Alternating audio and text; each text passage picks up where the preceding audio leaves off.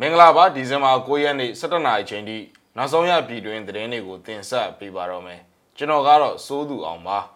ဒုံသောရွာသားတွေကိုစစ်ကောင်စီတပ်ကတပ်ဖြတ်မှုအပေါ်ကုလသမဂ္ဂကရှုံချလိုက်ပါတယ်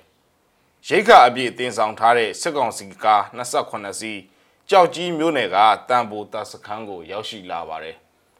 ဖာပုံခရိုင်ကစစ်ဘေးရှောင်8000ကျော်အတွက်စံအရေးပေါ်အကူအညီလိုအပ်နေပြီး စောင့်တဲ့အနှွေးတွေလည်းလိုအပ်လို့နေပါတယ်ပြည်သူတော်လှန်ရေးတပ်မတော် PRA ကစုံညီပွဲတော်တရက်ပြုလုပ်ခဲ့ပြီးစစ်တီအင်အားတချို့ကိုလည်းထုတ်ဖော်ပြသလာပါတယ်နိုင်ငံတကာသတင်းတွေဘက်မှာတော့ပလဲစိတ်ကံတိုက်ခိုက်ခံရမှုအနည်း80အပြည့်အထိမ်းအမှတ်အခမ်းအနားကျင်းပခဲ့ပါတယ်ဒီအကြောင်းတွေပါဝင်တဲ့နောက်ဆုံးရပြည်တွင်းနဲ့နိုင်ငံတကာသတင်းတွေကိုတင်ဆက်ပေးပါတော့မယ် စားလင်းကြီးမြို့နယ်ကဒုံတော်ကြီးရွာဒေသခံရွာသားတွေကိုရဲရဲဆက်ဆက်တပ်ဖြတ်ခံရတဲ့အပေါ်အထူးစိုးရိမ်ကြောင်းနဲ့စစ်ကောင်စီတပ်ဖွဲ့တွေရဲ့အကြမ်းဖက်လုပ်ရက်တွေအပေါ်ကုလသမဂ္ဂကပြစ်တင်ရှုံချလိုက်ပါတယ်။ဒီဇင်ဘာ10ရက်နေ့နယူးယောက်ကုလသမဂ္ဂရုံးချုပ်သတင်းစာရှင်းလင်းပွဲမှာကုလသမဂ္ဂအသွင်ရမှုချုပ်ရဲ့ပြောခွင့်ရသူကထုတ်ဖော်ပြောဆိုလိုက်တာပါ။အခုလိုမျိုးအကြမ်းဖက်တာတွေကိုပြင်းပြင်းထန်ထန်ရှုတ်ချပြီးနိုင်ငံတကာအတိုင်းဝန်က တညီတညွတ်ထဲတုံ့ပြန်ဖို့ကိုလည်းတောင်းဆိုခဲ့ပါတယ်။ကုလသမဂ္ဂအသွင်ရမှုချုပ်ရုံးကတော့ခိုင်လုံတဲ့သတင်းတွေအရတပ်ဖြတ်ခံရသူတွေထဲမှာခလေး9ယောက်ပါဝင်တယ်လို့ပြောဆိုထားပါတယ်။ဒီဇင်ဘာ9ရက်ကစာလင်းကြီးမြို့နယ်ဒုံတော်ကျေးရွာအပြင်ဘက်ကိုင်းတော်ရဲပုံးရှောင်နေတဲ့စစ်ရှောင်ပြည်သူ17ယောက်ကိုစစ်ကောင်စီတပ်ဖွဲ့ကပြစ်တက်ပြီးတော့မီးရှို့ထားခဲ့တာပါ။ဒီဇင်ဘာ10ရက်နေ့မနက်ပိုင်းမှာလဲစစ်ကောင်စီတပ်ကတပ်ဖြတ်ထားတဲ့ဒုံတော်ကြီးရွာက 17နှစ်အရွယ်ကလေးငယ်တယောက်အပါအဝင် အလောင်းလေးလောင်းကိုထပ်မံတွေ့ရှိခဲ့ပြီးစုစုပေါင်းအသက်ခံရသူ15ယောက်ရှိပြီလည်းဖြစ်ပါတယ်။မုံရွာပတ်သိန်းလမ်းအတိုင်းလာနေတဲ့စစ်ကောင်စီတပ်ဖွဲ့ကိုလမ်းခုလက်တနေရာမှာဒေသခံ PDF ကမိုင်းဆွဲတက်ခိုက်ခဲ့တာကြောင့်စစ်ကောင်စီဘက်ကအထိနာသွားခဲ့ပြီးအခုလိုမျိုးတပ်ဖြတ်တာဖြစ်နိုင်ကြောင်းဒေသခံတွေကလည်းသုံးသပ်ပါတယ်။အလားတူပဲနိုင်ငံတော်အတိုင်ပင်ခံပုဂ္ဂိုလ်ဒေါ်အောင်ဆန်းစုကြည်နဲ့တမရဦးဝင်းမြင့်အပါအဝင် တခြားသူတွေကိုစစ်တပ်ကထောင်ဒဏ်ချမှတ်လိုက်တဲ့အပေါ်ကိုလည်းအလွန်အမင်းစိုးရိမ်ကြောင်းလုံခြုံရေးကောင်စီဥက္ကဋ္ဌကသတင်းထုတ်ပြန်ထားပါသေးတယ်ခင်ဗျာပဲခူးတိုင်းဒေသကြီးကြောက်ကြီးမြို့နယ်ထဲမှာရှိတဲ့စစ်ကောင်စီတပ်စခန်းခလာရ60တန်ဖိုစခန်းစီကိုမနေ့ကနေလယ်ပိုင်းမှာရိတ်ခအပြည့်တင်ဆောင်ထားတဲ့စစ်ကောင်စီကား28စီးရောက်ရှိလာတယ်လို့မျက်မြင်သက်သေတယောက်ကတန်လွင် press ကိုပြောပါတယ် ကားရီပေါ်မှာစစ်သားတွေတော့မပါဘူးရိတ်ခအပြည့်တင်ပြီးတော့ခလာရ60တန်ဖိုတပ်စခန်းကိုပို့ထားတယ်ကားတွေကမုံမြို့နယ်နတ်တာကွင်းဘက်ကလာတယ်လို့ဒေသခံမျက်မြင်သက်သေကပြောပါတယ်ဒီဇင်ဘာ9ရက်နေ့မနက်ကလည်းမူသေးရွာအထက်ဘက်မှာ KNL တမဟာ3တပ်ဖွဲ့နဲ့စစ်ကောင်စီတပ်ဖွဲ့တို့အကြားပြစ်ခတ်မှုတစ်ခုဖြစ်ခဲ့ပြီးတော့ထိခိုက်ဒေဆုံးမှုကိုတော့မသိရဘူးလို့ KNL သတင်းရင်းမြစ်ကပြောပါတယ်တိုက်ပွဲဖြစ်ခဲ့ပြီးတော့အဲ့ဒီနေ့ည 9နာရီဝန်းကျင်လောက်မှာစစ်ကောင်စီခမာယ85တပ်စခန်းကအဖွဲ့ဝင်တွေကမူသေးရွာတွေကိုလက်နက်ကြီးပစ်ချတာကြောင့်ကလေးငယ်2ယောက်နဲ့လူကြီး1ယောက်ထိခိုက်ဒဏ်ရာရတယ်လို့နယ်မြေကန်သတင်းရင်းမြစ်ကပြောပါတယ်ခင်ဗျဆက်လက်ပြီးတော့စစ်ဆောင်တွေရဲ့သတင်းတပုတ်ကိုလည်းတင်ဆက်ချင်ပါသေးတယ် KNU ထိန်းချုပ်နယ်မြေဖြစ်တဲ့ဖာပုံခရိုင်ထဲမှာစစ်ကောင်စီရဲ့စစ်ရေးလှုပ်ရှားမှုဆောင်ရွက်မှုတွေကြောင့် လက်ရှိမှာနေရစွန့်ခွာထွက်ပြေးရသူဦးရေဟာ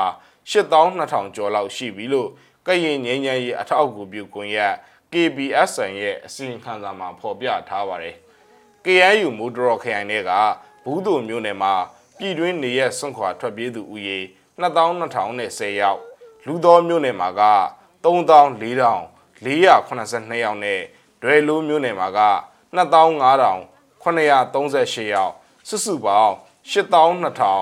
8220ဦးရှိပြီးအများစုဟာတောတောင်ထဲမှာခိုးလုံနေထိုင်ကြရတယ်လို့အစီရင်ခံစာမှာပါရှိပါတယ်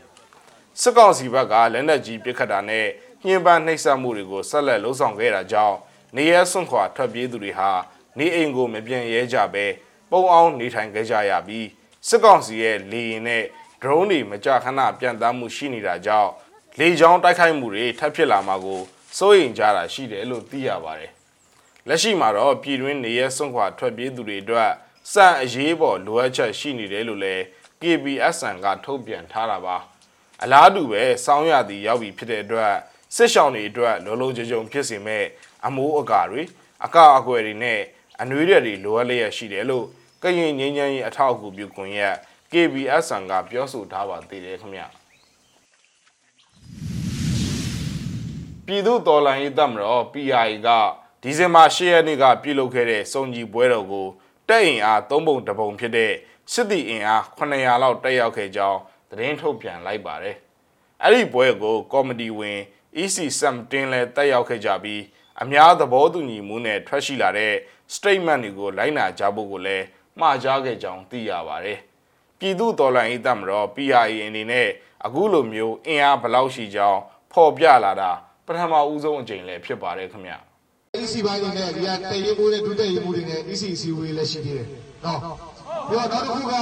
ဟိုကျုံလုံးလေးပဲစကားလေးနဲ့ဆက်လိုက်အောင်ပဲ။ဟိုဒီ EC တွေကနေပြီးတော့မှထုတ်တဲ့ statement ကိုလိုက်နာကြဖို့လည်းအကုန်လုံးလည်းမှာခြင်းတယ်။ဟုတ်ဟုတ်ဒီ EC စခွန်းဦးဖွဲ့ရတဲ့အကြောင်းရင်းကဘောချုပ်ကမှုနဲ့ဒီဖွဲ့စည်းတော့သွားမယ်။အဲ EC စခွန်းဦးရဲ့မှာတခုခုအာဘယ်လို statement ထုတ်မယ်ဆိုရင်တော့သဘောတူညီမှုနဲ့ပေါ့နော်မဲ နဲပြားနဲ့ရွေးချယ်ပြီးတော့အများတဲ့အားကိုတို့ statement ထုတ်နိုင်အောင်လို့ကြိုးစားမယ်။နော်အဲ့တော့အားလုံးစီစီလုံးနဲ့တော့ပါဒီနေ့ကမတို့ရဲ့အဝဲရှုပ်ပဲဒီနေ့ပဲကျန်တဲ့ခုနကလည်းချန်ပီယံတာတွေပြည့်ပြည့်ဖြစ်တာရတော့လုံးဝမမြင်တော့ပါ။ကြား EC လေးကျန်ပါသေးတယ်။အားလုံးကိုလေးလာပါရဲ့။ဘိုးဘိုးရ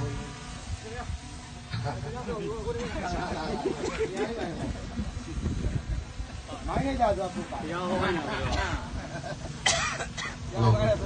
ယ်ကြဟောဝမ်းသာတယ်အားလုံး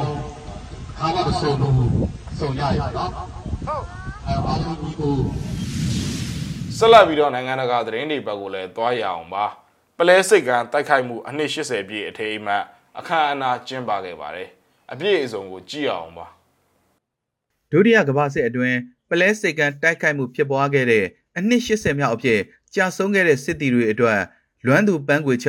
ဂုံပြုပွဲအခမ်းအနားကိုဝါရှင်တန် DC နဲ့ဟိုနိုလူလူမှာကျင်းပခဲ့ပါတယ်။လွန်ခဲ့တဲ့နှစ်ပေါင်း80ကအမေရိကန်နိုင်ငံပလဲစိတ်ကန်က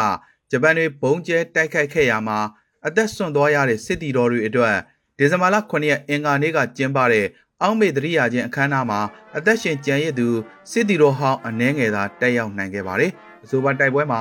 တေလောက်ပြီလို့အောင်းမေခဲ့တဲ့အသက်69နှစ်အရွယ် Half El Fren က ပလဲစိတ်ကန်းကိုပြန်လာခွင့်ရတာဝမ်းသာမိကြောင်းပြောဆိုခဲ့ပါတယ်။ဒီလိုအောင်းမေတက်တာပွဲနေ့မှာလာရောက်ဆင်နွှဲခွင့်ရတာတိတ်ကောင်းတယ်လို့သူကဆက်ပြောပါတယ်။ El Fren ဟာ1942ခုနှစ်ဒီဇင်ဘာလ9ရက်နေ့မှာအမှတ်251ကမ်းခြေဆောင်အမြောက်တပ်ဖွဲ့မှာတာဝန်ထမ်းဆောင်ခဲ့သူဖြစ်ပါတယ်။ဂျပန်တွေရဲ့0လေယာဉ်တွေဟာကောင်းကင်မှာပြန်ဝဲပြီးပလဲစိတ်ကန်းနဲ့မိုင်အနှဲငယ်အကွာက